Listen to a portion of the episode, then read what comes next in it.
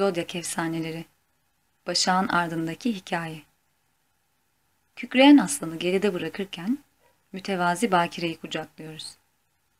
Değişken bir toprak burcu olarak Başak, karşıtların alaşımlı senteze aracılığıyla düzen ve mükemmeliyeti getirme gayreti içindedir.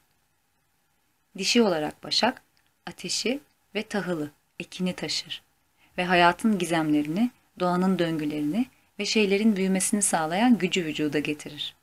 Başak dişil bir burçtur ve Merkür tarafından yönetilir. Bununla beraber bazıları şifacı Kiron tarafından yönetilmesi gerektiğini söylerken bazıları da Seres'e, Romalıların hasat tanrıçasına atıfta bulunurlar.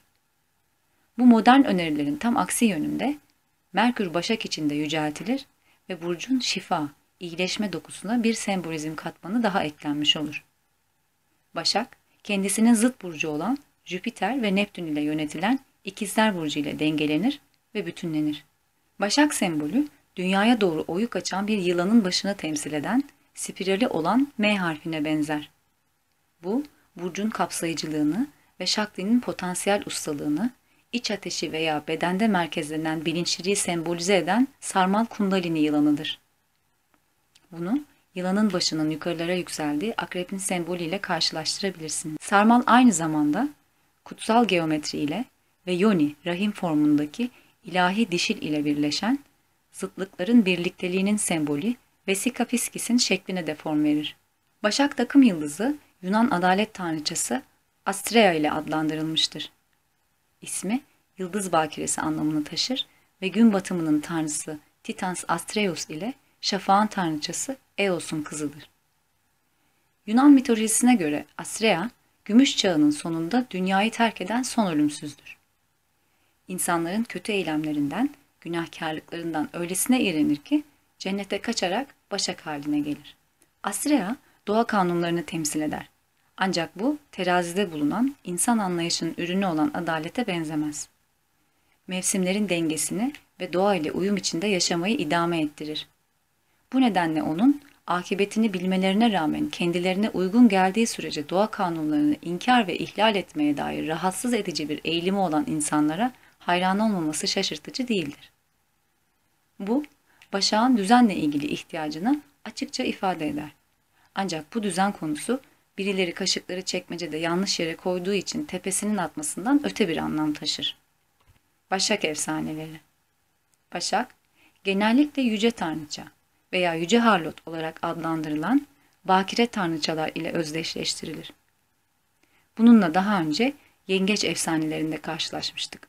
Ancak bu sefer hayatı yaratan doğurganlık ve ekinlerin, tahılların tanrıçalarına odaklanacağız. Tanrıçalar bakire olabilirler ve tabii ki anneler.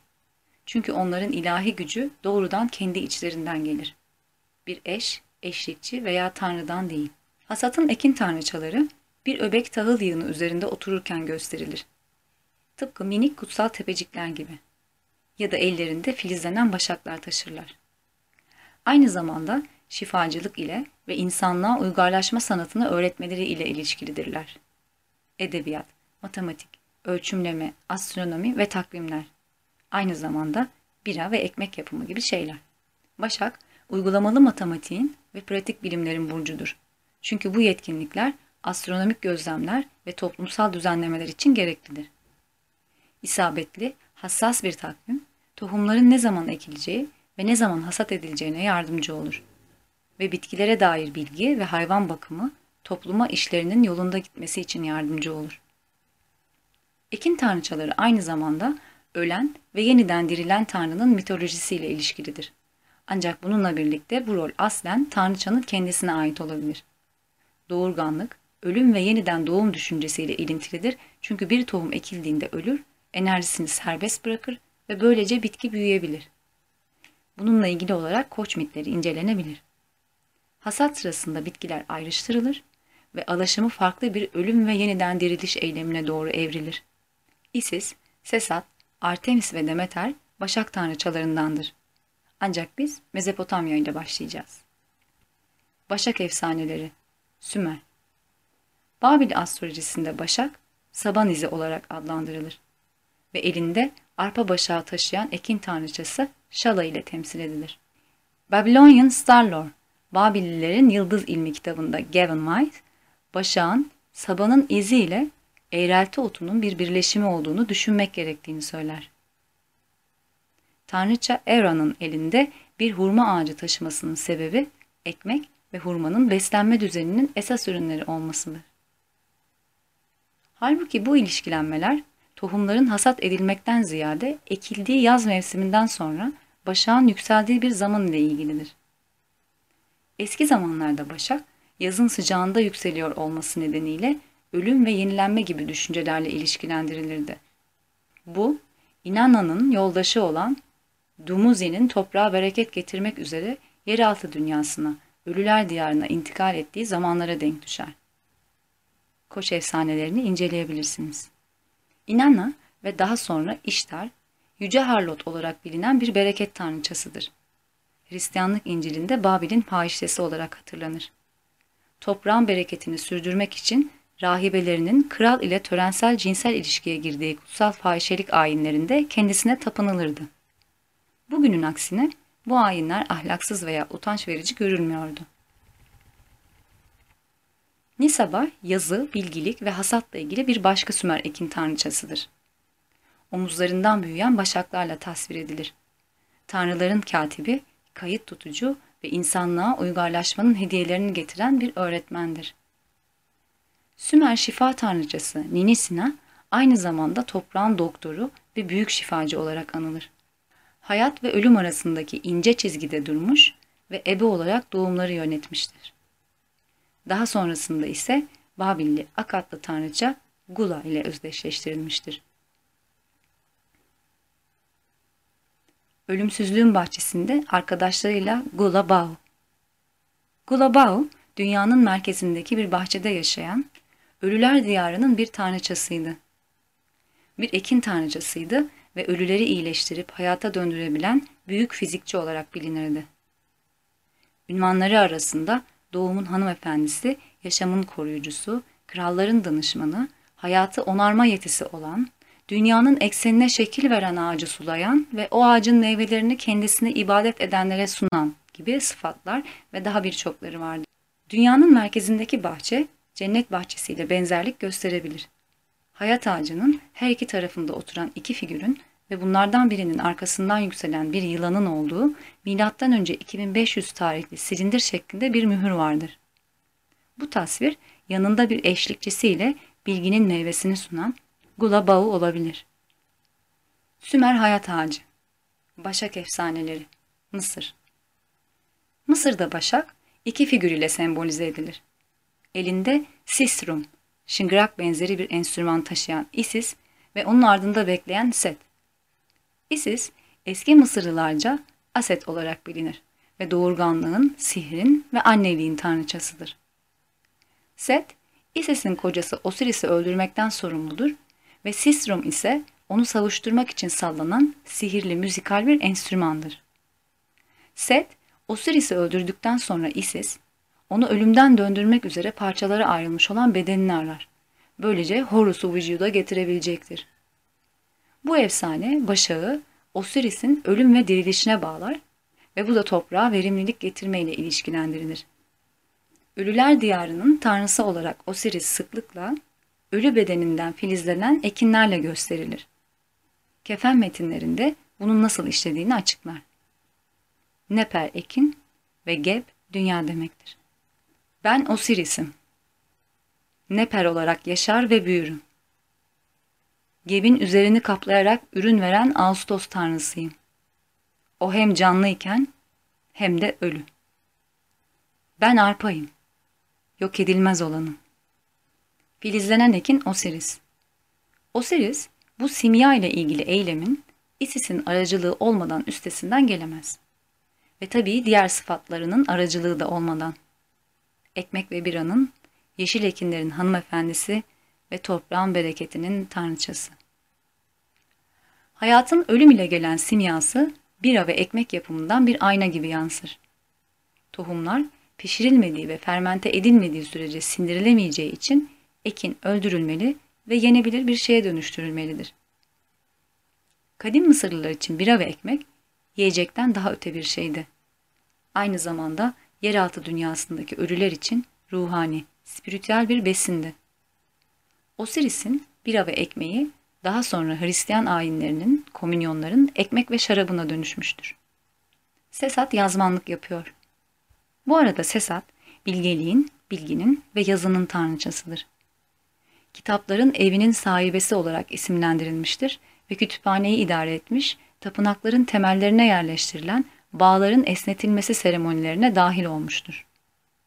Sesat, tanrıların katibiydi ve Firavun'un adının yanı sıra onun ölümlü olarak geçen senelerini ve tüm eylemlerini de hayat ağacının üzerine kaydetti. Bu tanrıça daha sonra Tot, Mısırlılarda Hermes'e, Merkür eşdeğerdir, ile ilişkilendirildi ve onun eşi ve veya kızı olmasıyla alt sınıfa indirgendi. Başak efsaneleri Yunanistan Antik Yunan'da Artemis, avcılığın bakire ay tanrıçasıydı.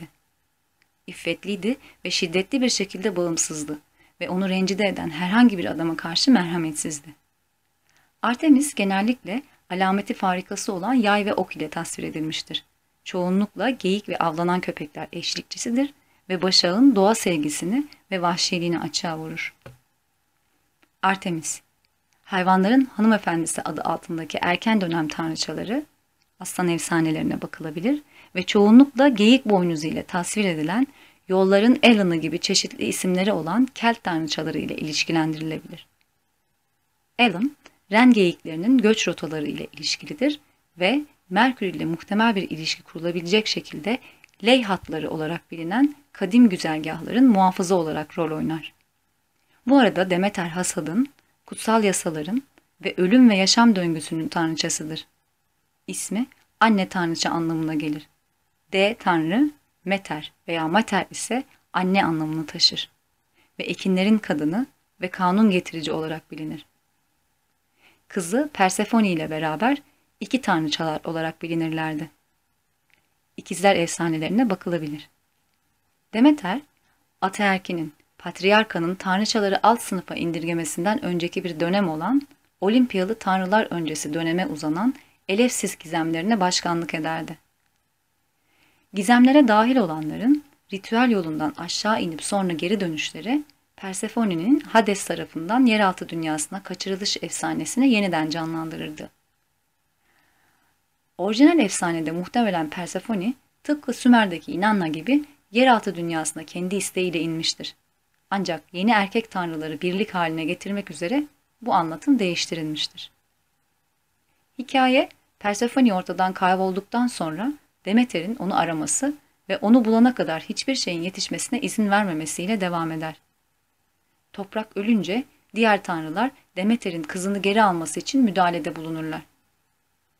Persephone'ye sadece orada olduğu süre boyunca bir şey yemediyse yeraltı dünyasından dönmesine izin verilir. Fakat birkaç nar çekirdeği yediği için her yılın belirli bölümlerinde Hades'de kalmak zorundadır.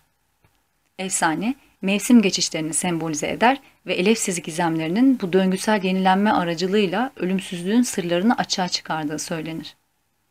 Demeter çoğunlukla bir elinde bir ekin başağı, diğerinde ise Persephone'yi karanlıkta ararken tuttuğu bir fener ile tasvir edilir. Ancak çoğunlukla bilgelik ve yeniden doğuşun bir simgesi olan yılanlar ile de temsil edilir. Demeter Gizemlerde Demeter ve Persefone yaşlı olan ve genç olan diye anılır.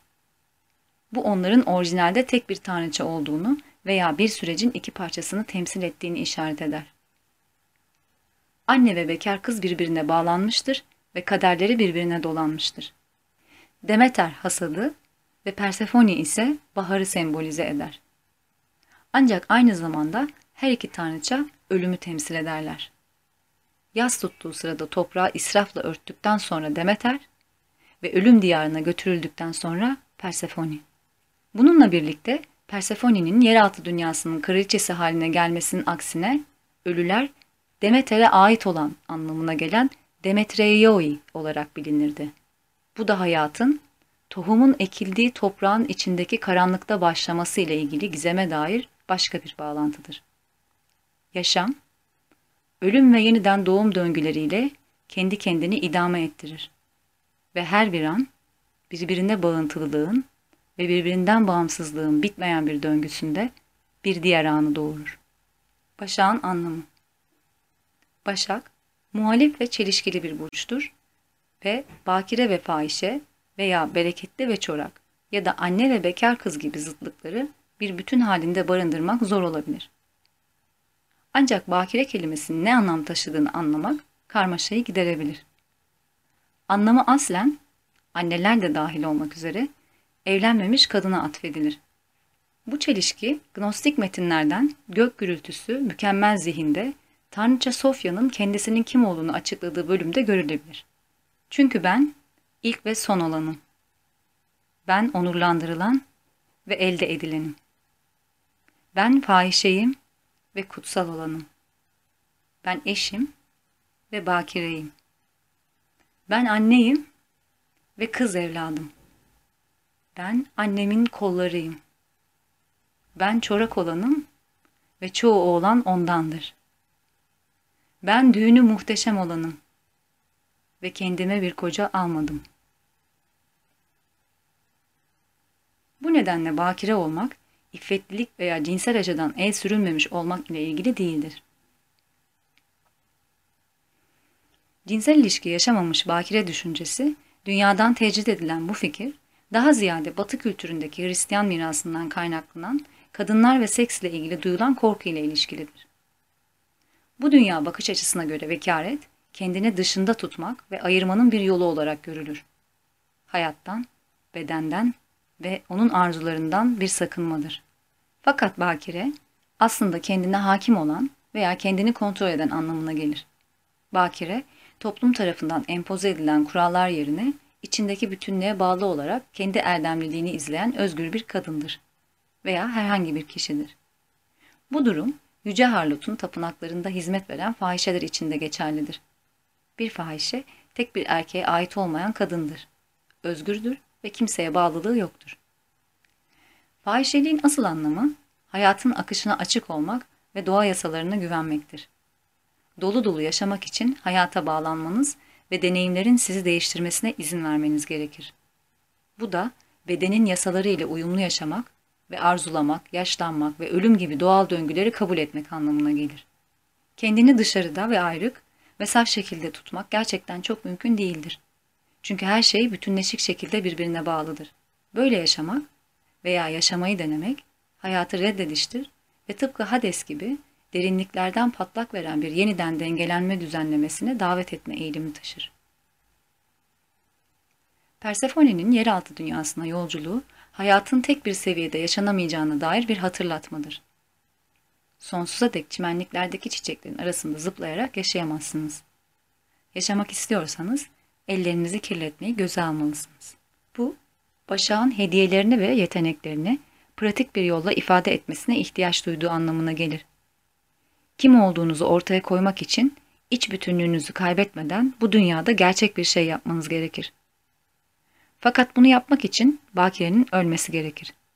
Persefone yeraltı dünyasına gitmeli ve genç kız Bakire olarak mükemmelliğini kaybetmelidir. Hayat bir mükemmellik durumunda yaşanamaz. Herhangi bir şey yaratmak için bir kitap, bir şarkı, bir hayat, bunun gerçeklikte tezahür ettirilmesi gerekir. Ve bu da yaratımın ona ilham veren özgün düşünceden daha az mükemmel hale geldiği anlamını taşır. Buna değinmişken ana tanrıçanın Nina Palley tarafından yapılan bu canlandırması mükemmelliğe oldukça yaklaşır. Hayat karmaşık bir iştir ve Başak da her zaman pratiktir ve ayakları yere basan bir gerçekçiliği vardır. Mükemmeliyetçilik hedeflenecek güzel bir gaye olabilir ancak buna sabitlenmek gerçekçi değildir ve sizi çıldırtma ihtimali taşır. Bu durum Başak'ı denemekten alıkoymaz ve yıldız haritasında birçok başak etkisi olanlar nevrotik hale gelebilir ve takıntılı davranışlar ve ritüellere eğilim gösterebilir. Mükemmeliyetçilik arzusu, bir şeyin tam olarak doğru veya yeterince iyi olmadığı sağduyusu tarafından harekete geçirilir. Bir nevi sanki ayakkabınızın içine kaçan taşın verdiği içsel huzursuzluğa benzer. Bu normaldir ve sizi bir çözüm aramaya, taşı çıkarmaya dair cesaretlendirebilir. Problemler, mükemmeliyetçilik adına arzunuzu kendi aleyhinize çevirdiğinizde başlar. Bu, öz saygınız adına yıkıcı olabilir ve çoğunlukla psikosomatik semptomları ve sağlık problemlerini tetikler. Ancak gerçekliği amaçlarınıza uydurmak için zorlayamazsınız. Ve denemeye devam ederseniz sadece diğerlerini kızdırmış olursunuz ve de kendinizi hasta edersiniz. Problemler, mükemmeliyetçilik adına arzunuzu kendi aleyhinize çevirdiğinizde başlar. Bu, öz saygınız adına yıkıcı olabilir ve çoğunlukla psikosomatik semptomları ve sağlık problemlerini tetikler. Ancak gerçekliği amaçlarınıza uydurmak için zorlayamazsınız ve denemeye devam ederseniz sadece diğerlerini kızdırmış olursunuz ve de kendinizi hasta edersiniz. Başak sizi bedeninizi dinlemeye, kendinize ve her şeyin ötesinde derindeki doğanıza sadık kalmaya teşvik eder. Zen öğretisinde olduğu üzere aç olduğunuzda yemek yer ve yorgun olduğunuzda uyursunuz. Bu gerçekten beden ve zihinde dengeyi bulmakla ilgilidir ve bu denge daimi olarak değişecektir. Herhangi bir his veya hoşnutsuzluk gerçek doğanızda hizalanma durumundan uzaklaştığınızın bir ifadesidir. Bu ilahi tedirginlik bir hizmet etme eylemi anlamına gelecek şekilde koşulları iyileştirecek yeni bir yol bulmak konusunda sizi teşvik eder. Kendinize, diğerlerine ve bir bütün olarak hayata hizmet etmek üzere. Mükemmeliyetçilik elde edilen bir şeydir. Ekleyecek daha fazla bir şey kalmadığında değil de çıkarılacak hiçbir şey olmadığında geriye kalandır. Antoine de Saint-Exupéry Başak, bütünleşik hale gelmek ve varlığınızın çeşitli parçalarına dair bir sentezi başarmakla ilgilidir. Bu, sabit veya değişmez bir durum değil, hayatın doğal döngüleriyle hizalanmış şekilde devingen ve daimi olarak değişen bir durum olacaktır. Ana ilke kendiniz olmaktır. Kendi içinizde bakire ve bütün olmak. Ancak bundan sonra kendinizi tamamen hayata açabilir ve kendinizi tamamen diğerlerine verebilirsiniz. Mükemmellik arayışının gerçek anlamı şudur. Kılavuzluğu altına dönüştürmeye dair simyevi, muhteşem çalışma. Kılavuz, sizin darmadağınık insani yaşamınız ve altın ise iyi yaşanan bir hayattır. Başak'ın arayışta olduğu mükemmellik aslen felsefe taşıdır. Ancak sadece bir ilke olarak değil. Bu mükemmellik, gerçek hayattaki bütünlüğün pratik bir ifadesi olmalıdır. Gündelik yaşamın rutinleri ve ritüelleri içine katılmış olan bir hayat.